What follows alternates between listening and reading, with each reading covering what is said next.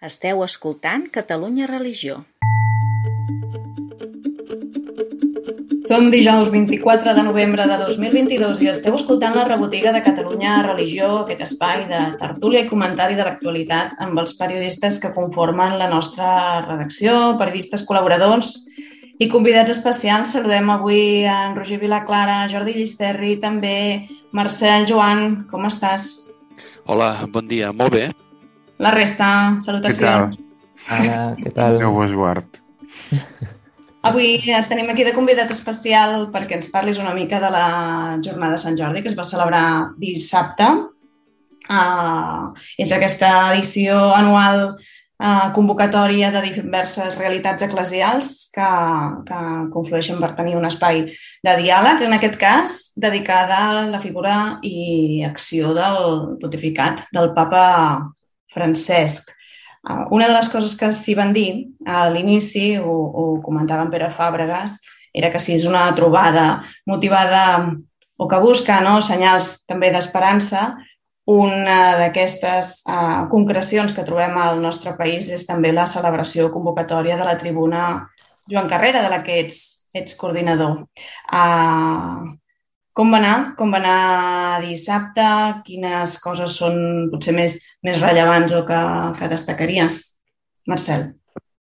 Bé, en prim, crec que ho has presentat molt bé, és a dir, el grup Sant Jordi eh, porta ja eh, fent aquesta jornada, que ja l'anomenem Jornada Sant Jordi, perquè la convoquem sis entitats, no només el grup Sant Jordi, la convoca els equips de la Pastoral Política de Comunicació, Cristianisme al segle XXI, que s'ha incorporat aquest any, eh, Justícia i Pau, la Lliga Espiritual de la, de la Mare de Déu de, de, de Montserrat. Aleshores, aquesta jornada de Sant Jordi la vam voler dedicar mm, a donar suport al papa Francesc, amb tota la humilitat, però amb tota la significació. Per què? Doncs perquè el, el papa Francesc cada vegada rep més atacs i el que vam explicar inicialment és que aquests atacs no són només extraeclesials, és a dir, de la dreta dels Estats Units, de l'extrema dreta d'Europa i de l'extrema dreta espanyola, és a dir, el, els partits PP, Vox i Ciutadans, que cada dia més ataquen el papa, dient-li des de dimoni fins als mil pensaments del món, no fa pas massa el García Margallo doncs, eh, es, li dedicava unes quantes perles, o, per exemple, Santi Vila, el nostre catalaníssim Santi Vila, eh, es va posar les botes eh, criticant una de les encícliques del papa. Doncs bé, l'objectiu fonamental de la jornada era intentar reflexionar... I perquè veig que, veig que ja l'has disparant abans de No, sí, simplement situa, situant el context. És a dir, eh, el, hi, hi va haver dues, dues no, xerrades. No ens critiquis a ningú més que ens tancaran el programa. No, quan vaig fer una cosa semblant a, a Ràdio Estel es van espantar i el, el presentador o moderador va dir Ei, que aquí no fem política. I jo li vaig dir, uh, si vols ho repeteixo, jo no he fet política. Aleshores va dir, d'acord, d'acord. Bé, doncs, punt i a part. Doncs, com deia, hi va haver dues ponències complementàries des de dos punts de vista. Un, uh -huh. del teòleg, mestre dels dominics, dels predicadors, Martí Gelabert, que va fer una ponència extraordinària sobre l'Església els trets definitoris de l'Església del Papa, Església enfortida, no pas autorreferencial, i després la amiga personal del Papa, l'argentina, la periodista argentina Elisabetta Piqué, que, parèntesi, va ser la primera periodista que va vaticinar que Bergoglio seria Papa, doncs va fer una ponència més vivencial, farcida d'anècdotes eh, divertides o, en tot cas, significatives per explicar qui és eh, Bergoglio i com ha canviat el papa Bergoglio amb el papa Francesc. Hi havia un tema que va anar apareixent diverses vegades, que és eh, el tema de la comunicació. Aquí a la rebotiga ens agrada molt eh, parlar d'aquest tema, no? Perquè, mm, per començar, és el nostre tema, no? i després perquè al final és el vehicle que té, tenen les comunitats religioses i l'Església en particular per fer arribar qualsevol missatge, el seu missatge. No?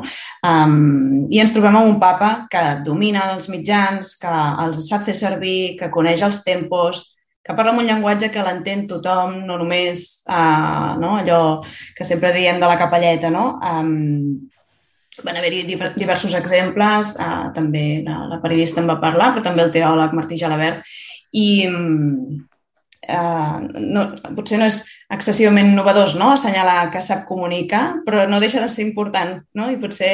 Per, per mi, el, el novedós, Laura, no és tant que ho digués l'Elisabeta Piqué perquè és el seu ofici, mm -hmm. vull dir, periodista i per tant sap la importància del llenguatge, sinó que eh, hi fes molta referència al teòleg, al mestre de teòlegs, al predicador Martí Gelabert. Hi ha una frase textual que va dir quan una església no sap parlar al món, l'Evangeli no és comprensible. Per tant, aquesta frase, per mi, dita eh, per qui la va dir, té molt de mèrit, perquè normalment els teòlegs doncs venen a dir que això del, de les crítiques del llenguatge són milongues, són mandanques. I jo crec que no, que és una cosa molt important i que els teòlegs també també ho han de posar, ho han de posar en el centre, perquè efectivament Posem un altre símil, un altre exemple, mm, que és una de les meves obsessions, la gent que em coneix ja ho sap. Uh, tu pots portar el millor, valgui la redundància, predicador del món. Però si la megafonia és una porqueria, ja pots, ja, ja, ja pots plegar, ja pots plegar. Sí, sí, cal garantir els, els mitjans perquè arribi, perquè arribi el missatge. També va alertar en Gelabert de, o va dir no, que a vegades es feia servir un llenguatge esotèric a vegades quan, quan es busca crear una diferència, jo crec que aquest és el punt de partida, no? Quan tu tens una veritat eh, molt profunda i important a comunicar i dius, no, a l'altre no el poses al teu nivell. Li dius, mira, seu aquí, que ara t'explicaré quatre coses, no?, de com funciona tot.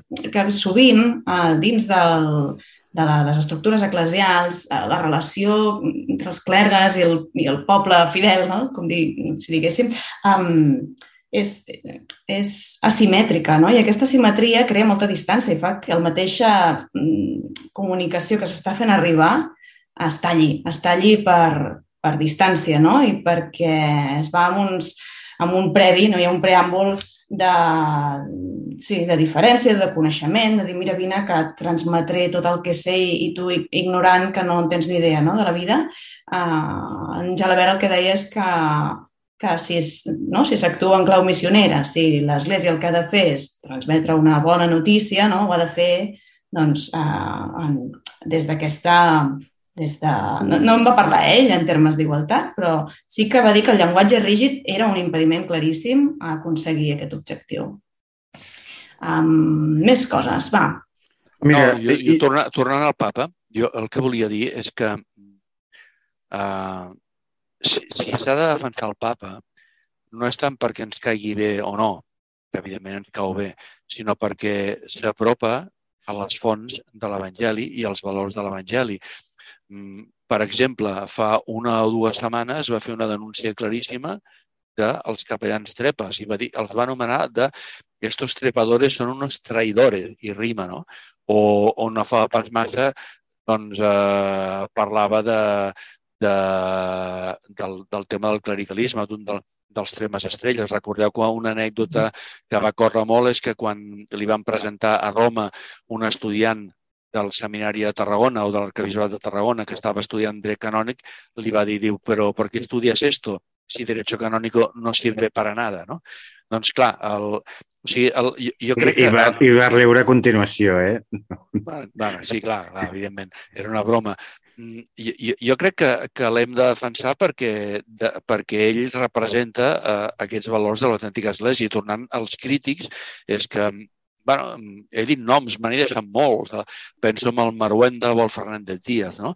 però el, els de Vox igual, i a més a més fent servir eh, les arrels cristianes com a, com a excusa, justificació per les seves postures d'extrema dreta. Però, eh, o sigui, mm, aquests, aquests atacs que, que, que rep el papa mm, són tan forts que jo crec que, que ens hem de defensar. Mireu, un, un, dels promot, un, un dels iniciadors de la vinguda d'un grup important de Madrid, perquè la característica, una de les característiques de la jornada de Sant Jordi és que ve gent de fora de Catalunya. Aquest any eren 25, un 20% de la sala eren de diòcesis de fora de Catalunya. Hi ha un nucli potent que forma part del Foro de Cures de Madrid. L'iniciador d'aquest foro, o el que va venir per primera vegada a la jornada, és el famós Javier Paez, el capellà d'Entrevies de, de Madrid. Doncs aquest sempre m'explica, ai, diu, és, diu, és muy divertido, ahora en las reuniones de curas, diu, soy yo quien les dice, que no habéis escuchado las palabras del Papa, que no habéis leído las palabras del Papa, diu, porque durante 30 años me he tenido que escuchar exactamente, me he tenido que ver exactamente la situación contraria, no? Per tant, aquest és el fil. O sigui, eh, el papa rep uns atacs increïblement mm, brutals, desmesurats. Per, uh, ho deia el corresponsal de l'ABC, Juan Vicente Bo, que és el qui ha rebut més atacs als últims dos segles, per qüestions polítiques, estratègiques, ecològiques i també eclesials, perquè aquí hi ha un, hi ha un grup de bisbes espanyols que dissimulen però que són antipapa, són totalment eh, educats a imatge i semblança de Rouco, que és l'antítesi de, del papa. I estic pensant, per exemple, amb l'arcabisbe actual de Sevilla. Un papa, per tant, que posa el dit a la nafra no? i que està intentant remoure uh, coses que no funcionen, uh, qüestions, com deies, estructurals i, i que marquen estratègia i línia d'acció. Um, pensava uh, que, que al final tot això, és a dir, és un líder que, que té capacitat de dir coses més enllà de l'Església, tot i que ara incidies molt no? en l'intra, um, també està tocant la cresta en fora, no? ho sabem en temes de canvi climàtic, però també de, de polítiques migratòries i, i és dels pocs que diuen les coses pel seu nom, no? Um, encara que això doncs, tingui conseqüències de, això, a nivell de gestió i, i, i perquè sempre hi ha aquesta cosa que l'Església no ha de fer política, però l'Església té coses a dir de l'àmbit eh, públic, d'allò que afecta a tota la societat, evidentment, eh, i més eh, explícitament quan, quan toca temes de drets humans, no? al final aquí... És que, és que ho, ho, ho ha de fer. No, només dos punts. Un, uh, uh, en relació amb, amb, amb aquesta reflexió que m'agrada molt, Laura, la que feies. Un, analitzem quins viatges ha fet el papa i a on ha anat.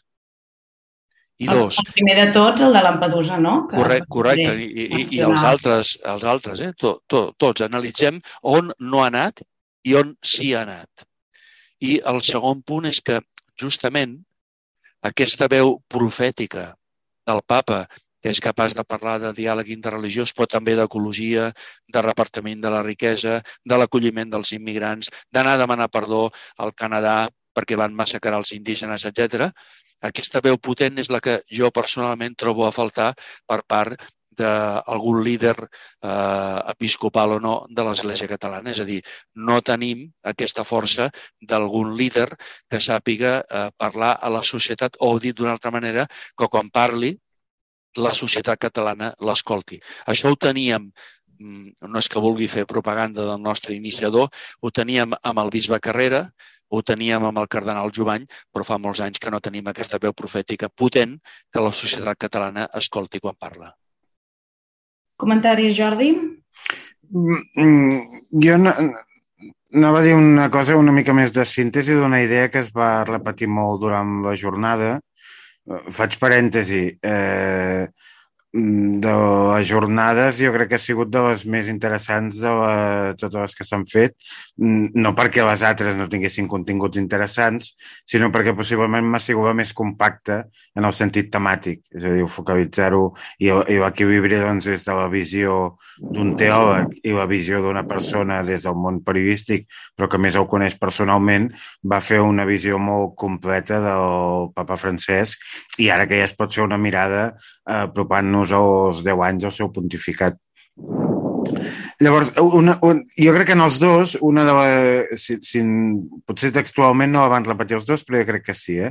com una idea de fons de, de, que, que explicaria tot el treball del papa, que és imposar aquesta idea que la realitat, és a dir, la gent, el que passa, és més important que les idees.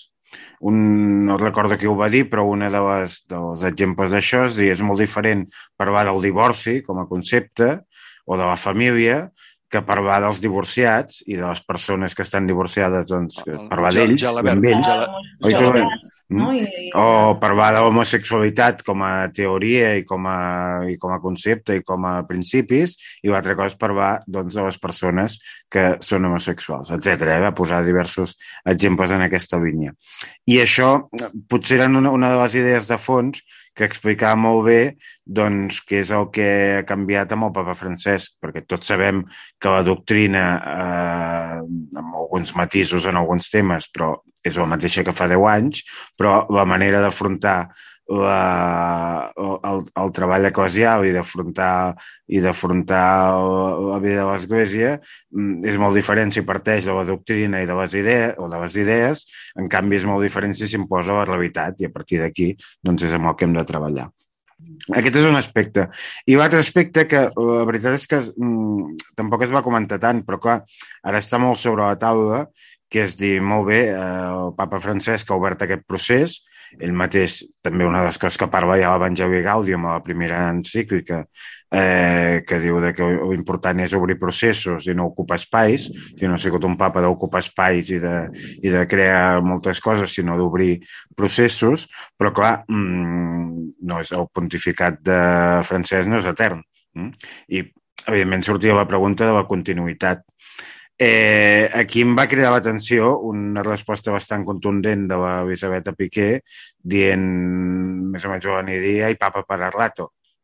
Com volem dir, escolta, mm. això de... Ara, eh, tots sabem que aquest lato, aquesta estona que pot durar el pontificat, doncs no serà 10 anys més, òbviament. Mm? bueno, no posem límits a la providència, però suposem que no anirà per aquí. Però amb, precisament amb aquest dubte de, de si aquests processos que ha generat el papa poden tenir marxa enrere, mmm, jo crec que tal com es va rebatallar, crec que són, són molt més sòlids que quatre gestos o quatre símbols, o de si es posa les sabates negres o vermelles i que realment han, han, han obert un procés que sempre pot tenir els i baixos, però que difícilment pot tenir tornades enrere. Mm -hmm. Roger. Sí.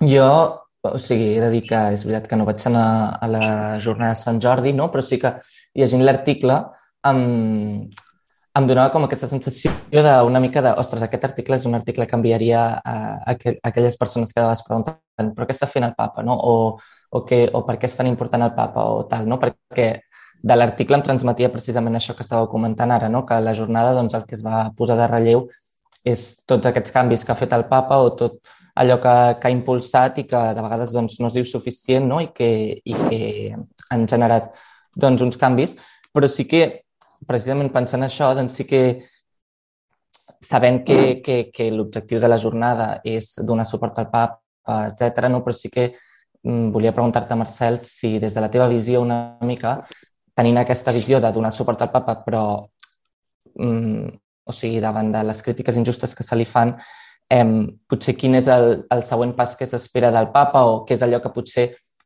es troba a faltar, és a dir, m'estic posant una mica com a l'altra banda, no? però també com per tenir l'opinió de, doncs de, des de la banda de, de donar suport a Papa Francesc i de, i de, i de tots aquests canvis, no? que són molt importants, no? però potser quin és el, el següent pas que es podria esperar del papa o què és allò que potser, doncs, això, no? que potser s'hauria de posar les piles en això, per exemple. Bé, pr primer una, una resposta una mica dura o cruel, Roger. Crec que el, el papa no farà grans canvis doctrinals. És a dir, els qui esperem doncs, eh, els temes tabús de sempre, eh, potser s'estirarà, eh, s'arribarà una miqueta més enllà que, que la situació actual gràcies als alemanys, que són la punta de llança. Hem d'estar molt atents al que està passant al sino d'Alemanya, però no, no, no hi haurà revolucions doctrinals. El següent pas que jo personalment espero és que renovi, amb aquests 5-8 anys que li poden quedar, realment els episcopats més carques i més d'extrema dreta que hi ha al món, començant per Estats Units, ara diré per què, i seguint segurament per Espanya. Uh, aviam, als Estats Units s'està produint un fenomen que, que Parlem molt del Donald Trump i del seu ideòleg, l'Steve Bannon, però a nivell d'Església això va passar la setmana passada. És a dir, tres dies abans de quatre de, de la jornada de Sant Jordi, doncs es va, es va, hi va haver eleccions a la, a la conferència episcopal nord, nord, nord-americana.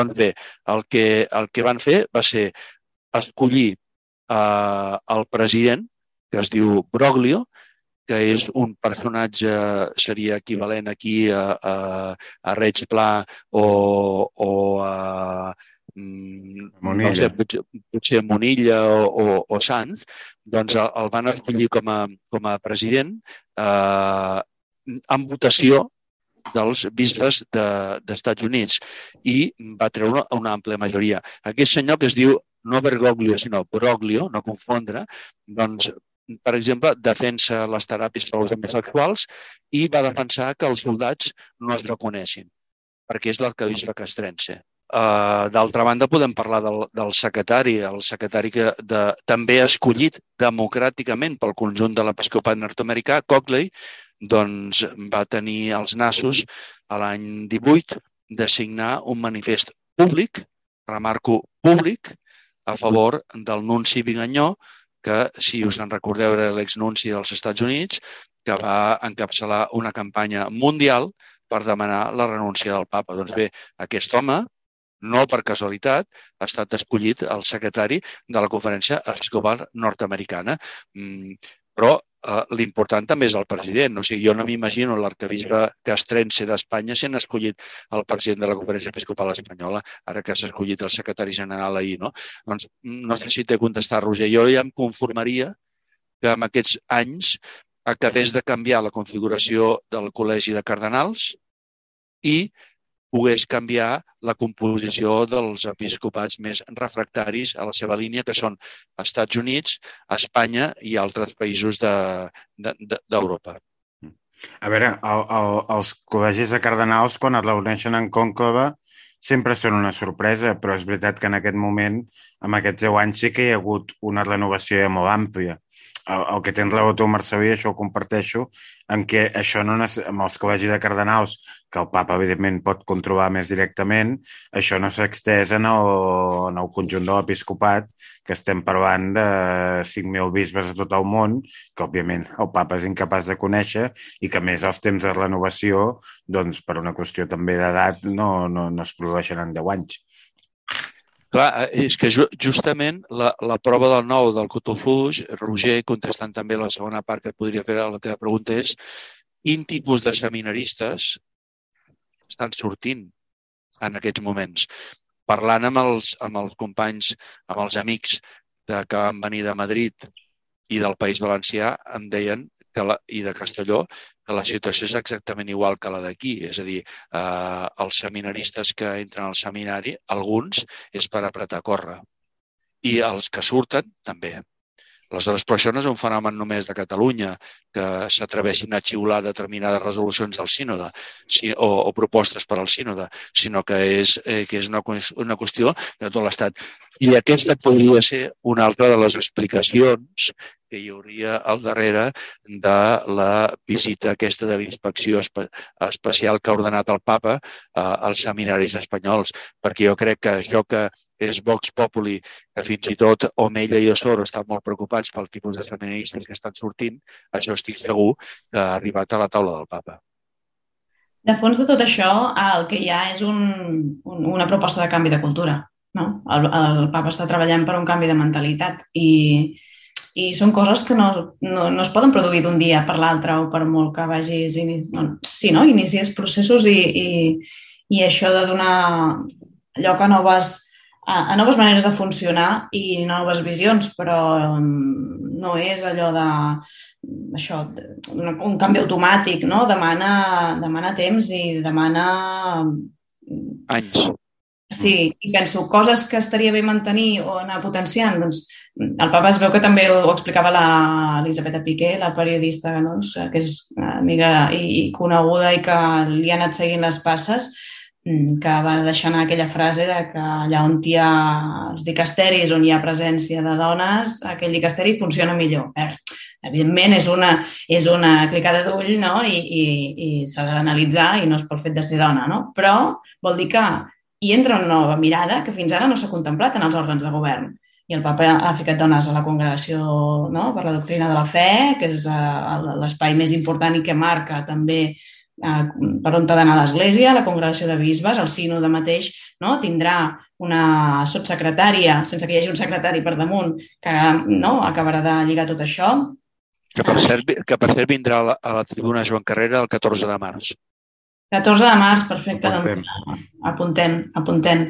No, vull dir que no són coses eh, que es puguin percebre com a poca cosa, però que si això s'extengués, no només no, a Cúria, que ja és important que hi sigui a la Cúria, però en, en totes les esferes de l'Església, no? una participació real de tothom, amb una veu eh, més, més diversa, crec que ja canviaria i ajudaria a, a aquesta transformació de, de, de sistema i de, de cultura. Jordi. No, des, després del Vaticà II, quan es va començar a veure que allò no seria tan ràpid i tan immediat ni, ni un canvi a nivell pràctic tan revolucionari com molta gent tenia les expectatives, una cosa que es repetia molt és que els concivis a l'Església doncs, triguen uns 100 anys en aplicar-se sobretot quan són concivis com el Vaticà II, que són pràcticament girs copernicans en molts, en molts aspectes. Mm, eh, quan ara va fer 50 anys el concivi, una mica es va, ja dèiem la meitat dels 100 anys, i, i, i realment va ser un moment de veure que potser sí, que evidentment per nosaltres 100 anys ho veiem una mica llarg, però, però, però és veritat que els canvis de mentalitat, que al final és el que promou el Vaticà II, mmm, demanen temps. I en aquest temps hi ha els i baixos i ara possiblement amb aquest papa estem, bueno, evidentment, possiblement no, evidentment amb aquest papa estem en un moment alt, però mm, potser amb ell podem fer, voldríem 10 passes endavant i només en farem 7 o 8 o 5, però i després potser fem dos enrere, però al final el saldo sempre serà positiu. El que passa que això, amb una estructura com l'Església, demana molt de temps. I després també per un altre factor que jo intento incidir bastant, que és que estem parlant d'una organització mundial i que coses que en determinats entorns culturals donem per fetes i, i que, que vaja, no, no generen cap mena de debat ni de dubte, doncs en determinats ambients i altres cultures doncs són coses molt difícils de pair. Mm, I per tant, perquè, perquè tothom faci els passos necessaris, doncs eh, de vegades cal anar, cal anar un ritme més lent el que, el que molts voldríem. Recollim una mica també doncs, totes aquestes idees de, de la jornada de Sant Jordi que es va celebrar dissabte. Podeu recuperar la, la crònica a la nostra pàgina web i convidar-vos doncs, a seguir el fil de tots aquests diàlegs, no? a través també de la tribuna Joan Carrera. Ara ens deia doncs, en, en Marcel que el mes de març doncs, tenim aquí una primera espasa no? que val la pena escoltar. Uh, doncs endavant amb aquestes reflexions. Eh, fem una ullada... De, de, de, deixa'm, sí. deixa'm un segon només. Mm, mm, com deia el, el Jordi, estic d'acord, és una de les millors que s'ha fet i la prova també és que mai havíem rebut tantes peticions mm, molta gent s'ha adreçat des del dissabte fins ahir, diguem-ne, per demanar-me sobretot la ponència per escrit de Martí Gelabert. Bé, doncs eh, això ho farem eh, aquesta setmana. Aquesta setmana enviarem a tots els assistents la ponència del Martí Gelabert, la poesia espiritual que va recitar Pons Pons, el, el gran mm -hmm. poeta menorquí. No, bueno, I... Pons Pons va ser un descobriment d'aquesta jornada, eh? Sí, un personatge. Va. Molt bé, molt bé, ho va fer. Mm -hmm. El va portar el president, que, que té molts llaços a Menorca, i enviarem també la, les cròniques de Catalunya Religió, de, de Flama i de Religió Digital sobre la jornada. Això ho farem aquesta setmana, però la motivació inicial és la, el, el cúmul de peticions de tenir per escrit la ponència de Martí Gelabert, que realment m'ha deixat sorprès. Si no m'equivoco, la jornada no es va gravar, per tant, que és una cosa que també de vegades la gent demana, oh, si s'ha gravat i tal, cosa que està molt bé perquè és anat bé també per una segona difusió, però mira, al final també és allò, doncs haver vingut. Hi ha, hi ha una gravació que, que he de comprovar que la, la va fer el coordinador del grup de cristians del dissabte, Vicent Estarlic. Hi ha una gravació, no sé si és bona. Ja, ja, ja us la passaré per veure si té qualitat per reproduir-la. Haurem d'anar al CNI a buscar les gravacions. No, la, la, la tinc jo, la tinc jo, us la passaré avui. doncs res Doncs escolteu, uh, fem una, una canvi de tema, anem a mirar els articles més llegits de la setmana. Roger, ens dones un cop de mà. Sí, en primer lloc, aquesta setmana tenim l'article en què l'Escola Cristiana denunciava que les escoles han de renunciar al projecte educatiu pel finançament en segon lloc, hi tenim la notícia que el bisbe de Conesa es reunia amb els bombers per conèixer el pla de recerca del capellà que s'ha perdut aquesta setmana a Morunys. En tercer lloc, hi tenim l'article sobre l'acte que va fer la Fundació Joan Maragall a l'Auditori del Palau de la Música Catalana. En quart lloc, hi tenim l'article, la crònica d'aquest acte que parlàvem ara de la Jornada de Sant Jordi i en cinquè lloc hi tenim un recull de premsa que titulava El papa ordena una visita inèdita a tots els seminaris espanyols. Per què? Justament ara... Preguntem-ho per què el Marcelí, que és el que en sap més de tot això. No, a veure, no, no de seminaris, en sé, en sé poquet. A veure, jo, jo, jo diria algunes coses eh, com a punt de, de, per destacar que no vol dir que, que siguin uns més importants que altres, sinó únicament una, un, uns punts per tenir en compte. Primer, el papa el que ha demanat és que s'agrupin els seminaris petits, que no té sentit seminaris de 3, 4 o 5 persones. I aquesta és la realitat de moltes diòcesis d'Espanya. Això, Catalunya ja ho va fer fa bastants anys amb la creació del Seminari Interdiocesà de Catalunya, que reuneix els seminaristes fora de la província de Barcelona, és a dir, fora de Barcelona, Sant Feliu i Terrassa és un cas a part que, mm, diguem-ne, des d'un punt de vista bastant discutible, van crear el seu seminari propi per competir en Barcelona. I quan dius que de fa temps, estem parlant de fa 30 anys, eh? No, no estem parlant de fa 10 ah, anys.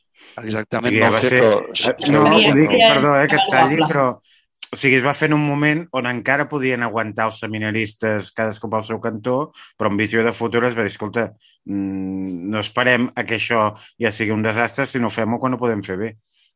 Totalment d'acord. Segon punt, en el rerefons d'aquesta inspecció, per entendre'ns, que ha ordenat el papa a partir de, del gener de l'any que ve, o sigui, del 23, mm, jo crec que hi ha, hi ha, hi ha dos, do, dos punts a tenir, a tenir presents. Primer, la presència de seminaris paral·lels, remarco paral·lels, dels neocatecumenals que es diuen Redemptoris Mater i que funcionen de forma paral·lela amb, amb força diòcesis eh, d'Espanya. Això jo crec no, que no hauria de ser així. I, en tercer lloc, crec que el que parlàvem abans, la, la preocupació per com, quina orientació tenen els seminaristes acabats de sortir del seminari, que és una preocupació compartida per la jerarquia de l'Església catalana i espanyola i també per, per la resta de, de cristians més o menys conscients, aquesta preocupació jo crec que ha arribat també a la taula del papa, és a dir, quin, quin producte en surt de la fàbrica. Abans que comentàvem el tema del perfil dels bisbes espanyols, mm, i d'altres episcopats mundials, eh? però també el cas concret que ens afecta de més de prop, mm, es posa molt de relleu amb el tema aquest dels seminaris. Per què? Perquè el, en general tot en una diòcesi depèn en última instància del bisbe. Però si hi ha una cosa molt significativa que en última instància depèn del bisbe és els seminaris i la gent que s'ordena. És a dir, poden haver-hi orientacions generals, poden haver-hi eh, coordinacions a nivell de la conferència episcopal, poden haver-hi indicacions, pot haver-hi tot el que vulgui. Però al final és qui passa el filtre i qui no. I això, en última instància, només depèn del bisbe. Ha de ser una causa molt greu, com perquè algú pugui intervenir des de fora. I, i, i, i moltes vegades el, el problema que hem tingut els darrers anys ja no seré jo qui, qui, qui critiqui els capellans perquè hi ha bellíssimes persones entre el cuero. Però també hi ha gent que quan els han ordenat penses i aquest com, com pot ser que hagin ordenat aquesta persona? I això és responsabilitat última i única del bisbe del lloc. I clar, si el bisbe del lloc amb això no és curós i, i per exemple, de vegades es, es veurà molt el seminari pels números. Evidentment, els números també depenen de l'interès i, els, i, els, i els esforços i la, i, la, i la dinàmica que genera un bisbe a la seva diòcesi. Però al final també depenen de molts sectors, de, de molts factors que són sociològics, socials, de, de la situació de l'Església d'Europa, etc etc. El número és un criteri, però no pot ser el criteri. El criteri bo, que és, entenc, el que ara vol valorar uh, aquest, aquesta visita de, de la Santa Seu, és dir, bueno, amb, quins criteris deixem passar això? Ja no, només, ja no només que també com els formem, sinó al final la, la, la valoració última que has de fer de si aquesta persona és una persona digna del sacerdoci, si es pren amb, amb, amb criteris adequats o es pren senzillament per tenir un número més. De vegades també, eh, bueno, això que dèiem, no? hi ha una cultura, si són perfils que és una mena de paracaigudista, que aterren una facultat de teologia i que només es dedica a llegir llibres i a teoritzar, però mai ha tocat ni ha trepitjat una parròquia o només hi ha anat en una visió eh, exclusivament no, sacramental, però no hi ha vida més enllà d'això, ni, ni té cultura d'equip, ni, no, ni... A vegades, vull dir que, és, que, que el perill és quan són no, persones com aïllades, no? O, o només d'un entorn molt, molt concret i dius, ostres, és molt exposat ser rector d'una parròquia, no? Has, has de tenir moltes qualitats, penso, socials, d'empatia, d'escolta, molta, molta paciència, uh, també capacitat no? de, doncs de, de, de tendir ponts amb l'entorn, de transformar coses, perquè si no diràs, bueno, tota aquesta visió de parròquia missionera queda no res, no? I, I sovint, no sé, potser fins i tot quan surten bons perfils, eh? crec que aterren en realitats que són molt dures i, i de vegades al cap dels anys te n'adones que la persona també s'ha anat com no sé, o, o, o que perd o que es modifica i, i que mm, no deixem de perdre de vista que, que hi ha una visió de poder que és molt nociva. O sigui, quan tu te n'adones que tens la paella pel mànec i que la gent farà allò que li dius, ah, clar, et pots convertir en una mena de petit tirà, no? I, i això jo crec que és el que és um, on hem de posar més l'alerta, no? I per tant, no és només el perfil de sortida, sinó com es fa l'acompanyament un cop ja estan en actiu, no? No, i sobretot, sobretot en, en un context en què avui ser capellà a Catalunya i a Europa en general no és, una, no és atractiu, no és engrescador, no està de moda. Per tant, la gent que fa aquesta opció mm, has de, no, no hi ha bufetades per entrar als seminaris. Per tant, la gent que fa aquesta opció has de mirar molt bé perquè la fa i quin, què hi ha darrere.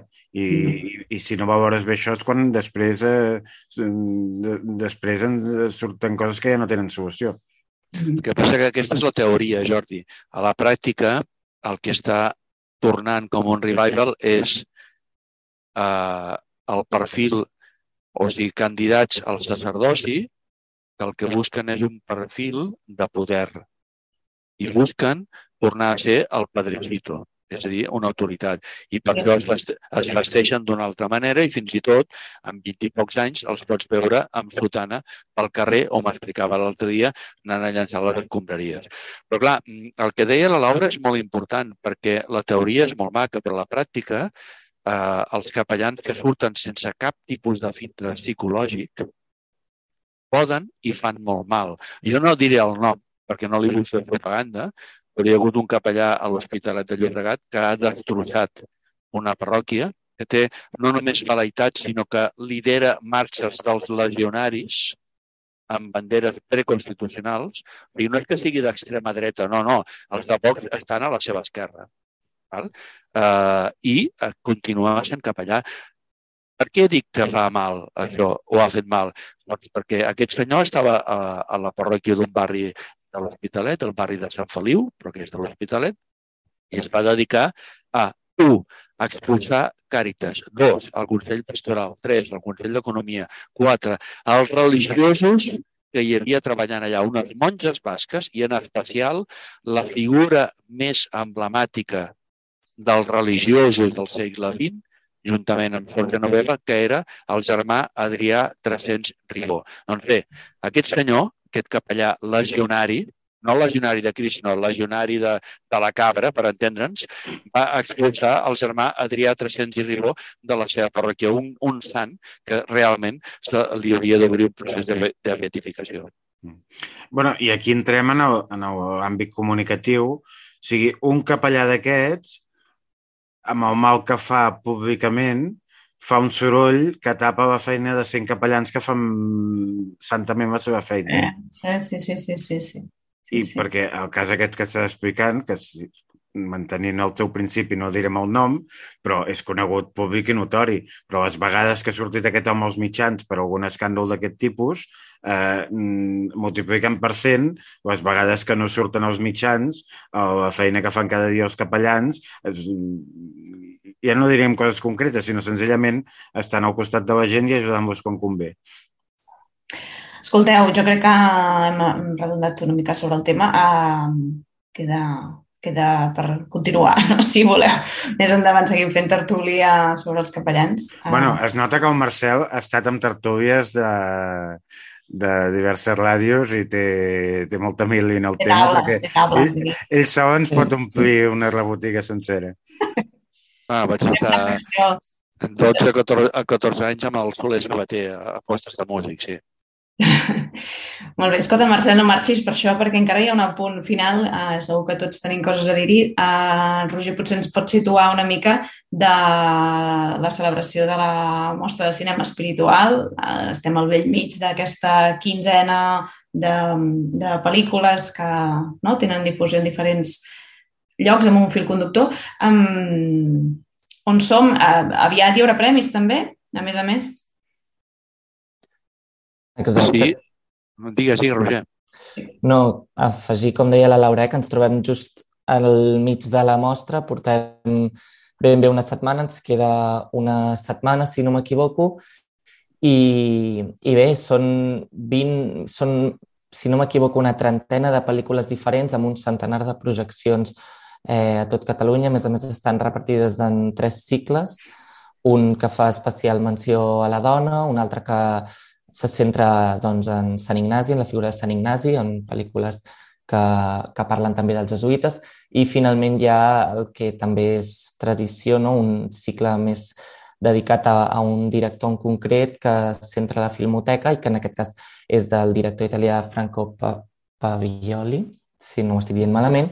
I com deies tu, Laura, la setmana que ve tenim l'entrega de premis de la mostra, que a més a més aquest any se suma un nou premi, que és un premi que va convocar Fets Religiosos de treballs audiovisuals sobre el fet religiós, que a mi personalment em sembla molt interessant perquè també recull una mica aquesta, aquesta predisposició, aquesta intenció de, de la mostra també d'apropar-se als més joves, al públic infantil i juvenil, que també doncs, hi ha un espai educatiu de la mostra, etc.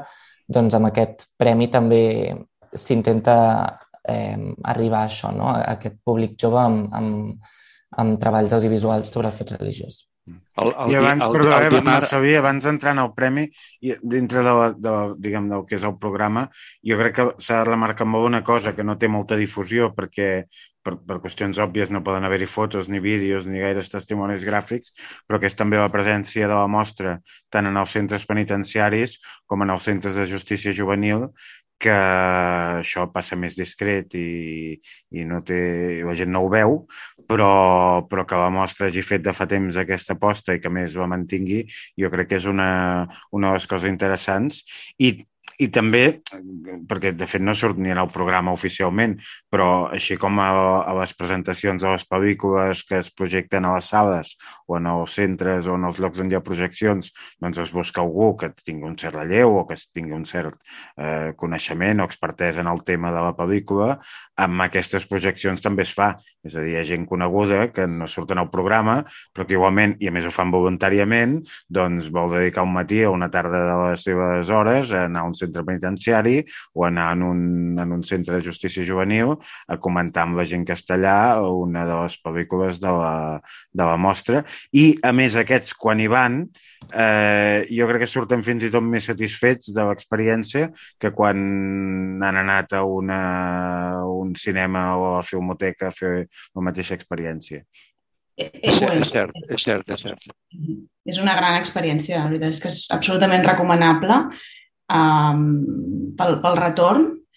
Um, és un èxit si veuen tota la pel·li sencera, perquè sovint, no deia també la Vicky Molins, oi? ja estic acostumada que si la pel·lícula no els agrada s'aixequin a mitja no, projecció i marxin.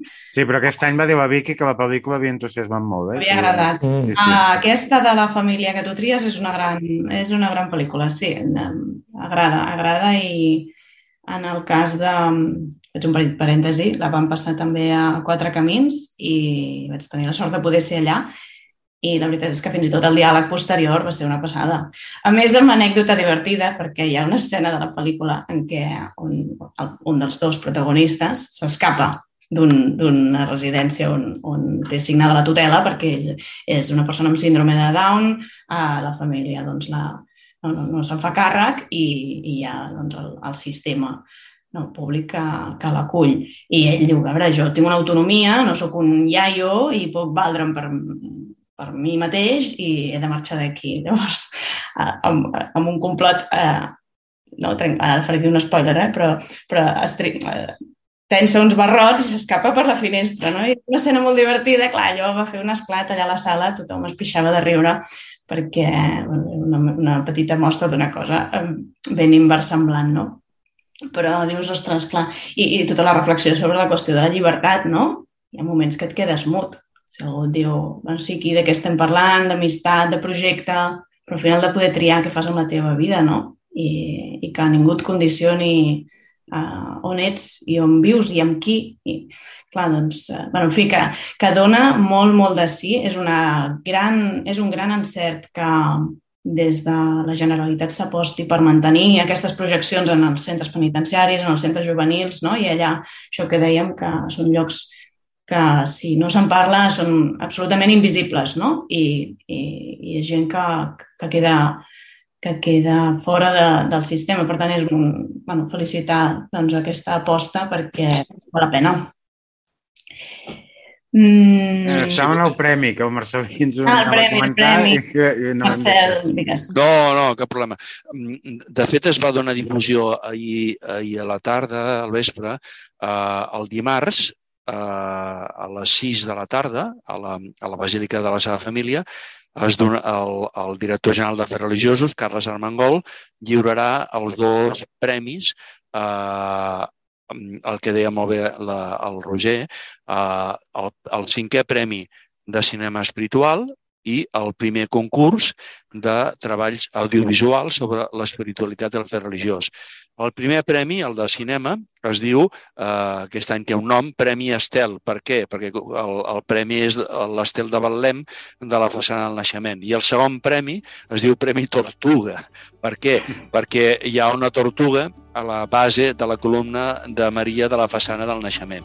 Aleshores, els guanyadors dels dos premis són, d'una banda, el director molt conegut perquè sempre s'ha caracteritzat per tractar temes de, sobre el conflicte basc, sobre els vulnerables, els nens, Imanol Uribe, el basc Imanol Uribe, i la- l'altre premi, el de cinema, el de cinema concurs perdó, de treballs audiovisuals, la guanyadora és Maria Lorente Becerra per un cur- curt metra- metratge de 21 minuts que es diu Hèlix Aspersa, fet a l'Escola de Cinema Band Apart.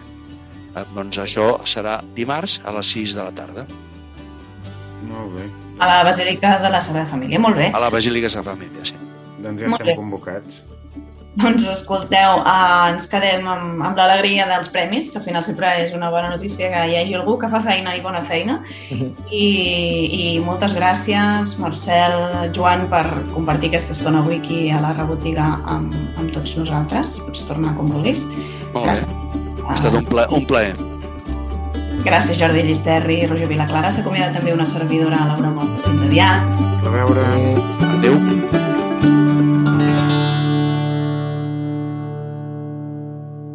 Catalunya Religió